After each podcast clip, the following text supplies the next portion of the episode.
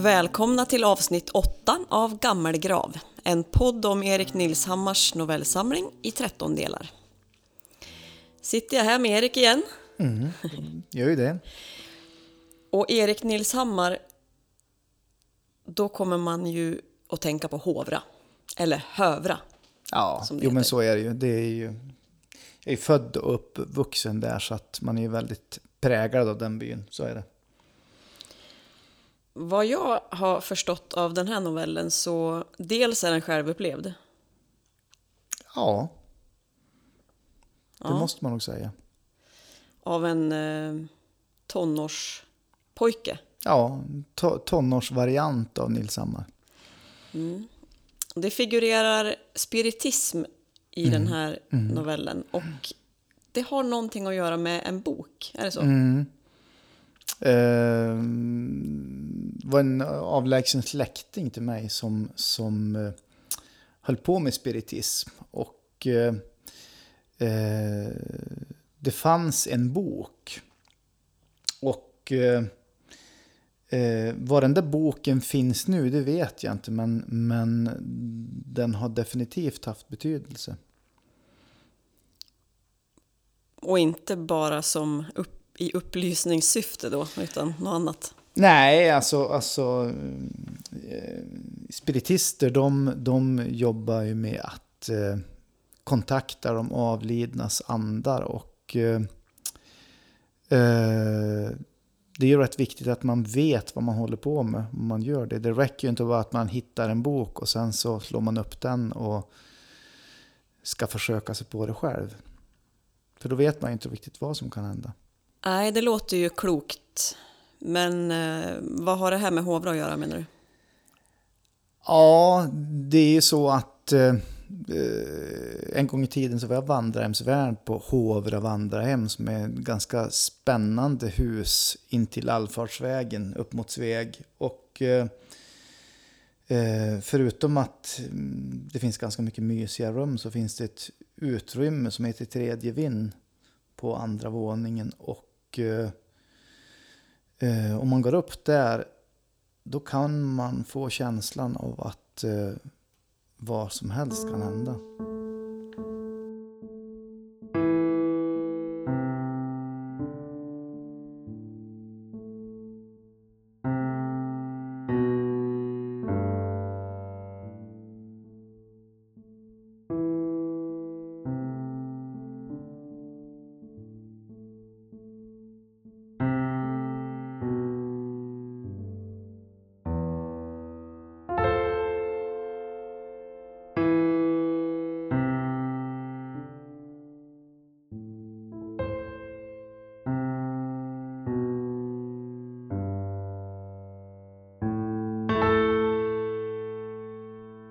Hårdfarihandlaren. I den lilla byn Hovra låg ett rödmålat hus som en gång i tiden fungerat som folkskola. Några elever hade inte gått där sedan 1963 då skolan under oklara omständigheter blivit nedlagd. Nu var det Hovra byförening som ägde fastigheten och bedrev vandrarhemsrörelse i alla dess utrymmen och prång. Huset kallades för Villekulla. Det var den oregelbundna formen som gett byggnaden dess namn. Takets brytningar och åsar, det välvda burspråket, den gamla lärarbostaden på andra våningen som såg ut som en ansats till ett torn. Man kanske skulle kunna kalla huset vackert, med all säkerhet originellt rymliga gästrum med stora fönster. Ett trevligt kök och en stor samlingssal i det som en gång varit gymnastiksal. På övervåningen låg ett sällskapsrum med tv. Och så fanns tredje vind. Ett oinrätt utrymme under takåsen. Men dit fick ingen gå. Det var en av få förhållningsregler jag fick då jag skulle börja vikariera som vandrarhemsvärd någon gång på 80-talet. Priser, nycklar och rutiner gicks igenom med enkelhet och utan åthävor. Jag blev förevisad receptionen och de rum som fanns tillgängliga för uthyrning. Kök, toaletter och städskrubb fick jag se. Men till tredje vind skulle ingen gå.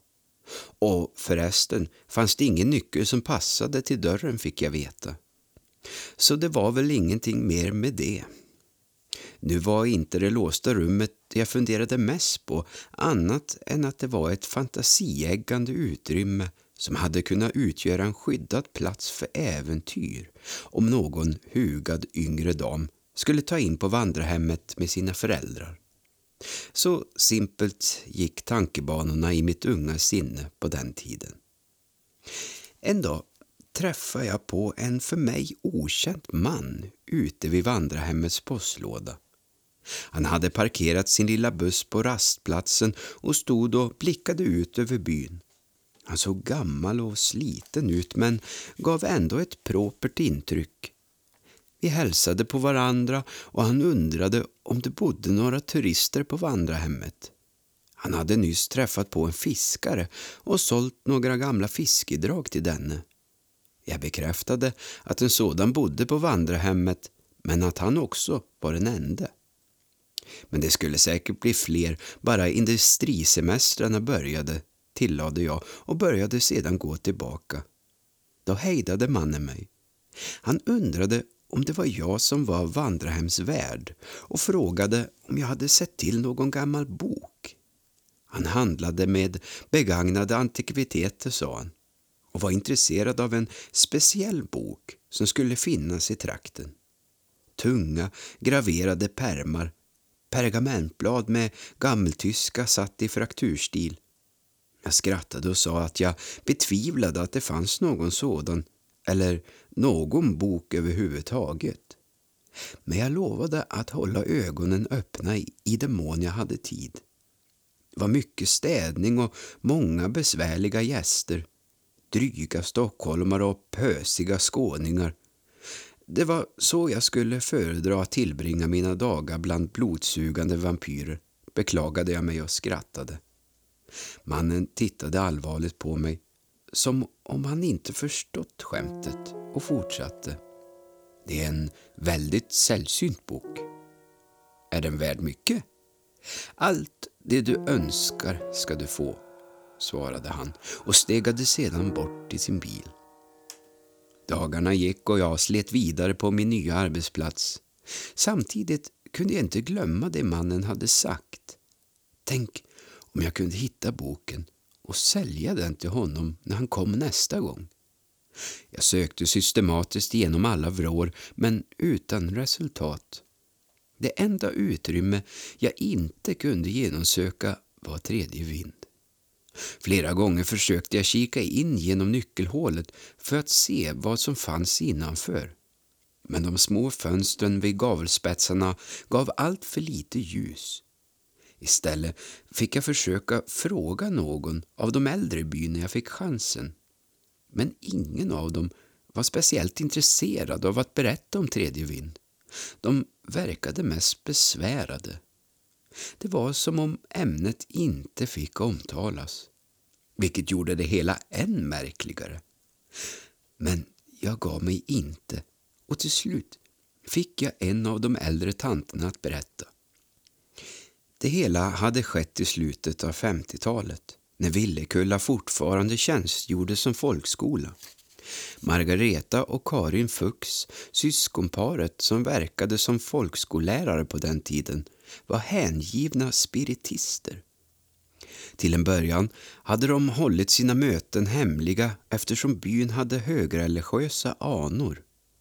Åkallande av de avlidnas andar sågs med stor misstro. Men allt eftersom tiden gick lyckades de samla en liten skara till sina seanser. För att de inte skulle bli störda höll de till i skolhuset på tredje vind. Mitt på golvet hade de ställt ett stort runt bord med en enkel ljusstake. I det nedsläckta utrymmet samlades sedan systrarna och ytterligare fem, sex deltagare för att få andekontakt. De övriga byborna såg med förskräckelse på det fladdrande ljussken som vissa kvällar syntes i gavelfönstret. De åkallade djävulen, sades det. Men det var ingen i byn som ville stöta sig med systrarna. Det var svårt att hitta fröknar som var villiga att jobba i utbyarna. Att få pli på obildade och bekäftiga bondungar ute i obygden var inget första val för nyutexaminerade lärarinnor. Trots att de båda var oerfarna och hade mycket svårt för att hålla ordning och disciplin bland eleverna så var det ändå bättre än att byn stod helt utan lärare. Det hade dessutom framkommit att de båda inte besatt några påtagliga mediala förmågor. Det verkade som om de hade lika lite pondus i andevärlden som de hade hos sina elever. Men eh, församlingsmedlemmarna var ändå oroliga och krävde att någonting gjordes innan de drog olycka över byn.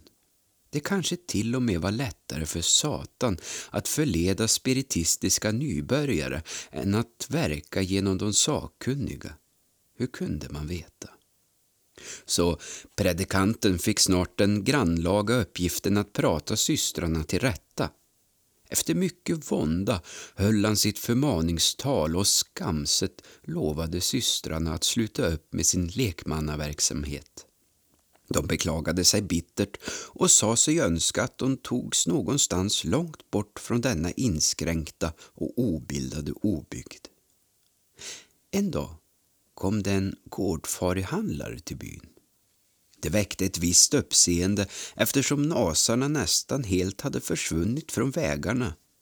De sågs som någonting mycket otidsenligt när det nu fanns snabbköp och postorderförsäljning. Denna gårdförehandlare hade dykt upp från ingenstans i sin gamla Volvo Duett. Han hade salufört gamla ting och auktionsgods. Så hade det i alla fall stått skrivet på bilen. Det konstiga var att han åkt genom hela byn direkt till Villekulla utan att stanna vid någon av de andra husen. Systrarna hade öppnat och på en gång meddelat sitt ointresse för utbudet. Men då hade gårdförehandlaren tagit fram något oväntat. En gammal inbunden bok med siligt utsmyckade pärmar av läder. Ett praktverk som kommit hela vägen från Wittenberg. De tunga läderpärmarna klämde samman en packe pergamentliknande gula blad. Systrarna hade blivit hänförda och frågat vad gårdfarehandlaren skulle ha för boken. Det märkliga var att de hade fått den gratis mot löftet att den aldrig fick lämna byggnaden. Boken ska för alltid vara bunden till denna byggnad och förbannad vare den som tager den bort härifrån, hade gårdförehandlaren förmanat. Systrarna hade inte förstått anledningen till det säregna förbehållet men accepterade ändå villkoren utan att tveka. Inte långt därefter hade systrarna återupptagit sin mediala verksamhet men den här gången med större övertygelse. Säkert är att seansdeltagarnas vittnesmål blev annorlunda efter gårdfarehandlarens leverans. Det tisslades och tasslades och snart kom det fram att de som närvarat vid seanserna fått vara med om makalösa ting. Deltagarna hade precis som tidigare suttit i ring med sina händer upplagda på bordet.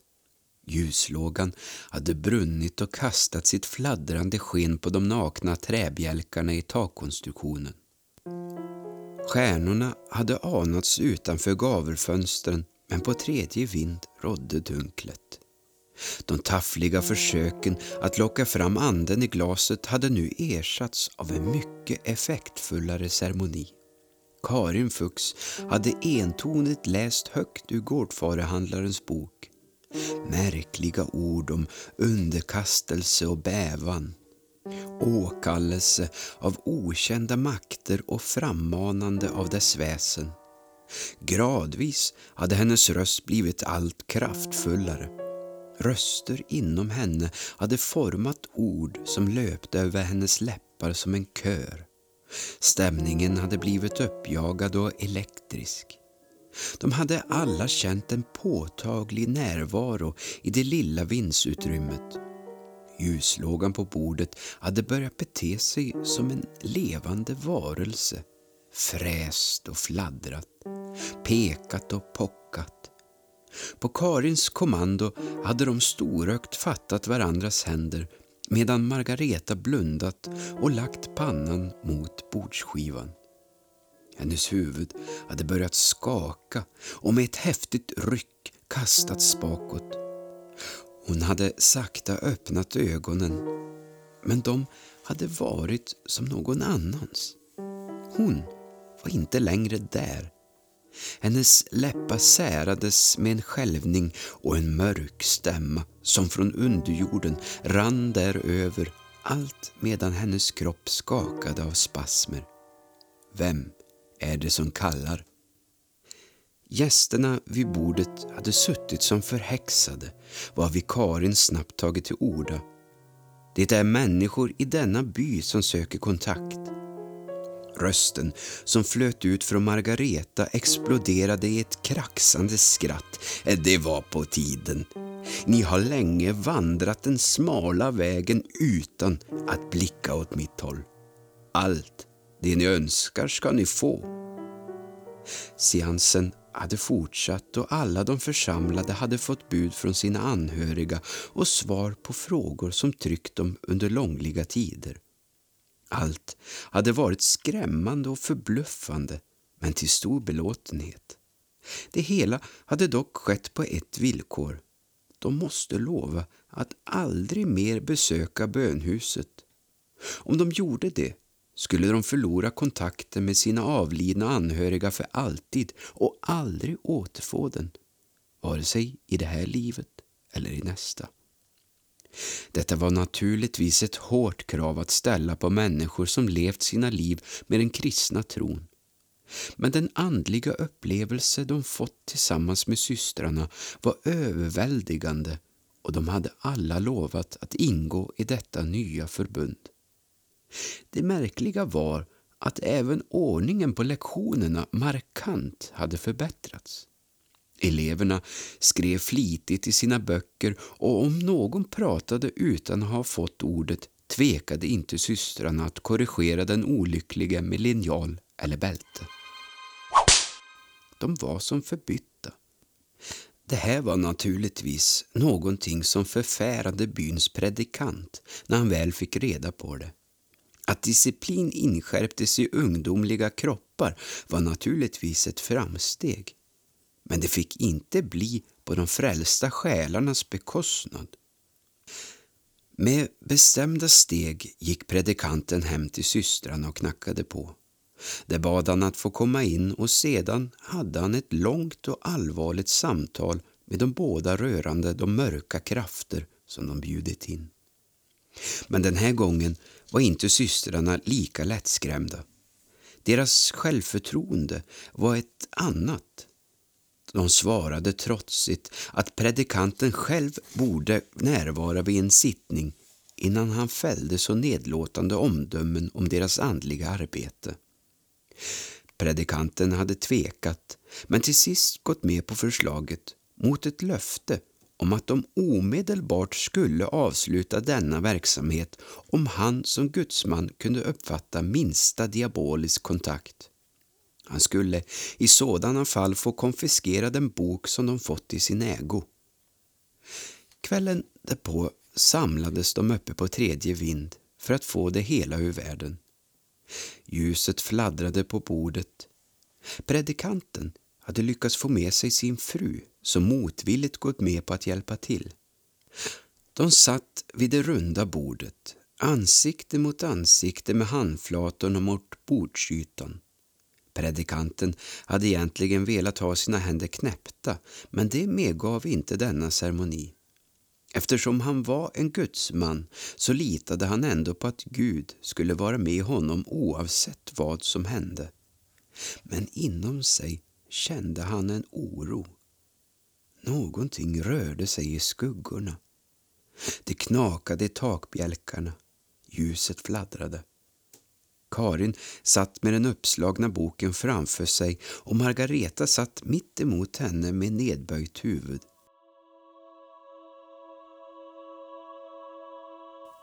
Karin började läsa.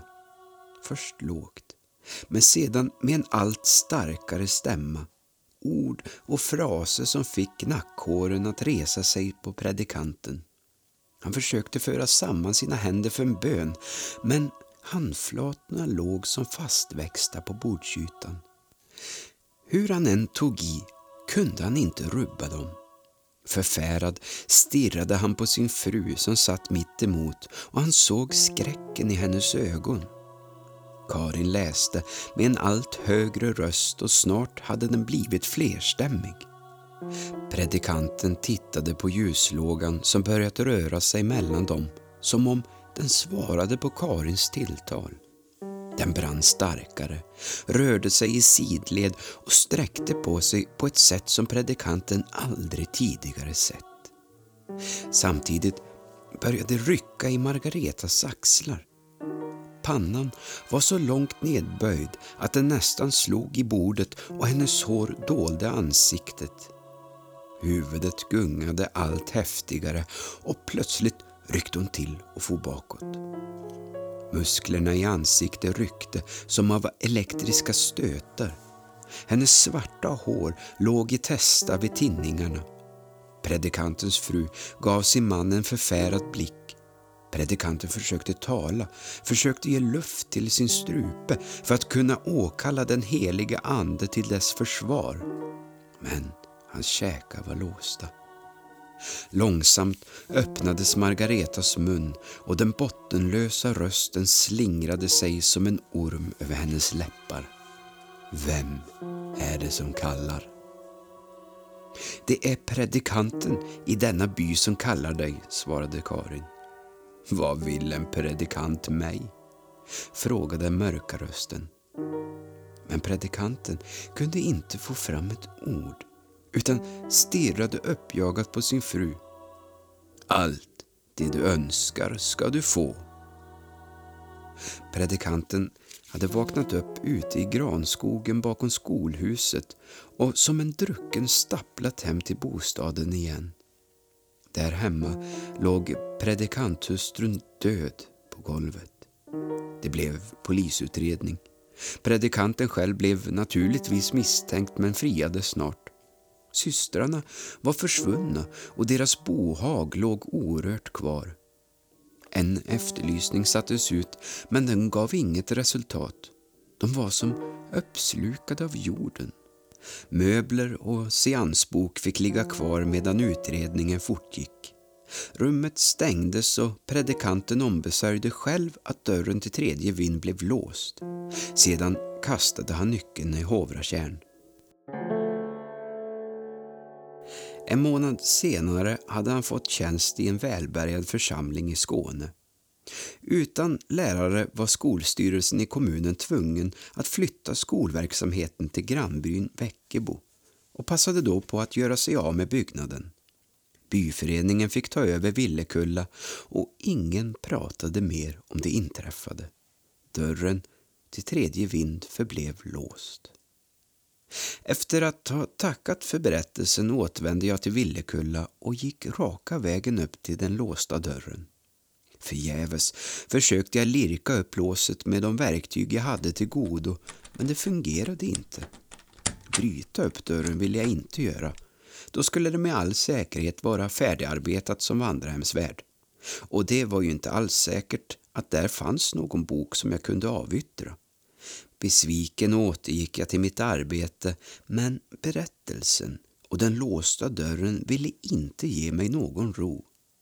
Det som fanns där bakom kallade på mig. Dagen efter hände någonting märkligt. Fiskaren, som dittills varit helt utan fiskelycka, hade fått låna en båt till Hovratjärn. När han återkom på kvällen visade det sig att fisketuren varit till stor belåtenhet. Till en början hade han inte fått ett napp. Dagen hade gått och som ett sista desperat försök hade han häktat på ett av de antika fiskedrag som han köpt av antikvitetshandlaren några dagar tidigare. På första kastet hade gammelgäddan nappat.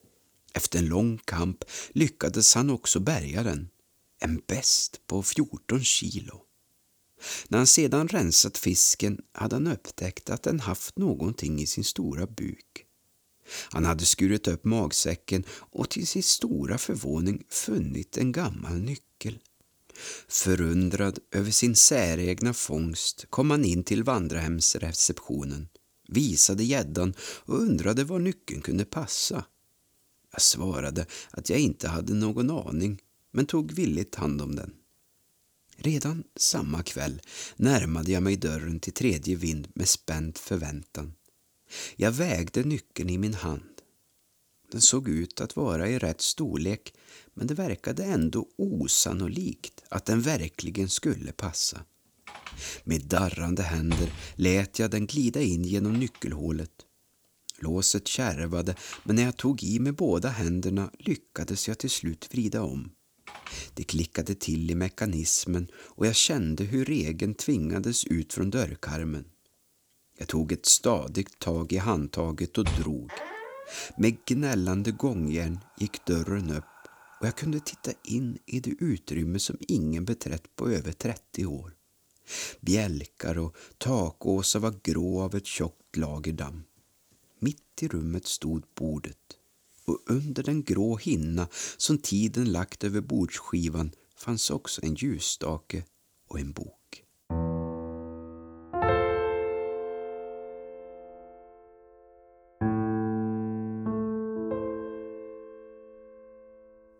Ett skumt kvällsljus strilade in från de båda gavelfönstren. En myriad av små dammkorn svävade runt där ljuset föll in. Andäktigt smög jag mig fram till bordet och satte mig. Med handflatan borstade jag bort det värsta dammet från boken som låg framför mig. De grova pärmarna var rikt ornamenterade men jag kunde inte hitta någon titel. Jag öppnade den och det första gulnande pergamentets sirliga bokstäver stirrade mot mig. En underlig känsla spred sig i kroppen och jag hörde svaga ljud. Det lät som om viskningar trängde ut mellan sidorna i boken. De manade mig att fatta bladet och bläddra upp nästa uppslag. Det var som om jag fylldes av en hunger. Någonstans inom mig var det en varningsklocka som ringde på full volym men jag ville inte låtsas om den. En känsla av spänning och lust hade gripit tag i mig. En underbar berusning. Boken var det vackraste jag sett och de snirkliga bokstäverna sträckte förföriskt ut sig över bladen. Jag smekte den sträva ytan på pergamentet som om det varit min älskades hud. Boken reagerade som en levande organism när jag vidrörde den. Som om den legat här bortglömd, trånat och väntat på att bli sedd. Min andning blev upphetsad. Viskningarna blev till flämtningar och jag lyfte blicken mot ljuset som strålade in genom fönstret. Dammet rörde sig allt fortare. Det strömmade runt och grupperades, pulserade och stod sedan stilla, rörde sig och avstannade. Plötsligt framträdde två ansikten. Det var två unga kvinnor. De log mot mig och deras hårsvall böljade i luftströmmarna. För varje rörelse med handen mot boken reagerade de med njutning. De bönade och bad mig att fortsätta, bad mig att komma närmare. Känslan av att det som fanns i boken skulle föra olycka med sig hade nu spolats bort av en brinnande åtrå djupt inne i min hormonstinna tonårskropp. Jag smekte med fingertopparna över den första sidan, tog varsamt tag i hörnet och lättade lite på den samtidigt som jag fascinerat betraktade de svävande skönheterna som verkade njuta, som om det varit deras kött jag vidrört. Lusten tog nu överhanden och med en svepande rörelse vände jag blad. Motvilligt slet jag blicken från kvinnorna och läste texten i boken tyst för mig själv. De skrattade. Två pålande, förföriska skratt som fick vindsutrymmet att glöda av en ny lyster. Jag såg bort mot deras ansikten som nu fått kroppar och förföriskt dansade nakna bland dammpartiklarna. Trots att jag aldrig träffat dem så förstod jag att kvinnorna var Karin och Margareta. Jag tog ett saligt andetag, såg ner på de vackra bokstäverna och började läsa. Men rösten var inte min egen. En okänd kraft hade tagit makten över mig. Systrarna kom sakta svävande emot mig. Hungrigt betraktade de mig. Jag försökte låsa mina käkar och stänga rösten inne, men jag hade inte längre någon makt. Vem är det som kallar? Dånade den mörka rösten. Det är jag, din tjänare, hörde jag någon skria i mitt inre. Vad vill en sådan mig? sa rösten. Plötsligt slogs boken igen framför mig. Rösterna tystnade. Systrarnas nakna behag var borta. Jag kunde återigen röra mig och tittade mig förvirrat omkring. Vid min sida stod antikvitetshandlaren jag träffat ute vid postlådan några dagar tidigare. Hans hand vilade på boken. Jag ser att du har hittat den, sa han och tittade allvarligt på mig. Eh, vad gör du här? mumlade jag generat. Jag kom för den här, sa han sedan och lät fingrarna löpa över den ornamenterade bokbärmen. Är det den du vill köpa? sa jag. Nej, inte köpa. Jag ville bara se att den vilade på sin rätta plats, svarade han. Kan du inte bara ta den med dig? sa jag bedjande. Allt det du önskar ska du få, sa han stilla och gick åter ut ur rummet. Förskrämd sköt jag ifrån mig boken och sprang efter. Jag måste prata med mannen och få honom att förstå att jag var nöjd med allt precis som det var. Jag var tacksam och önskade mig ingenting. Jag låste omsorgsfullt dörren och rusade ner. Där förväntade jag mig att mannen skulle vara. Men när jag tittade ut såg jag hans lilla buss försvinna i ett rökmoln. Samma kväll cyklade jag ner till Hovratjärn. Där lät jag tjärnens vatten åter gömma nyckeln i sitt djup.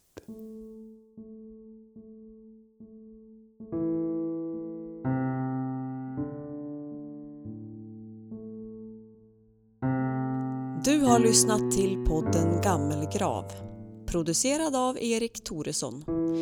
Novellerna är inlästa av Magnus Johansson och jag heter Malin Lindgren. Tack för att du lyssnat!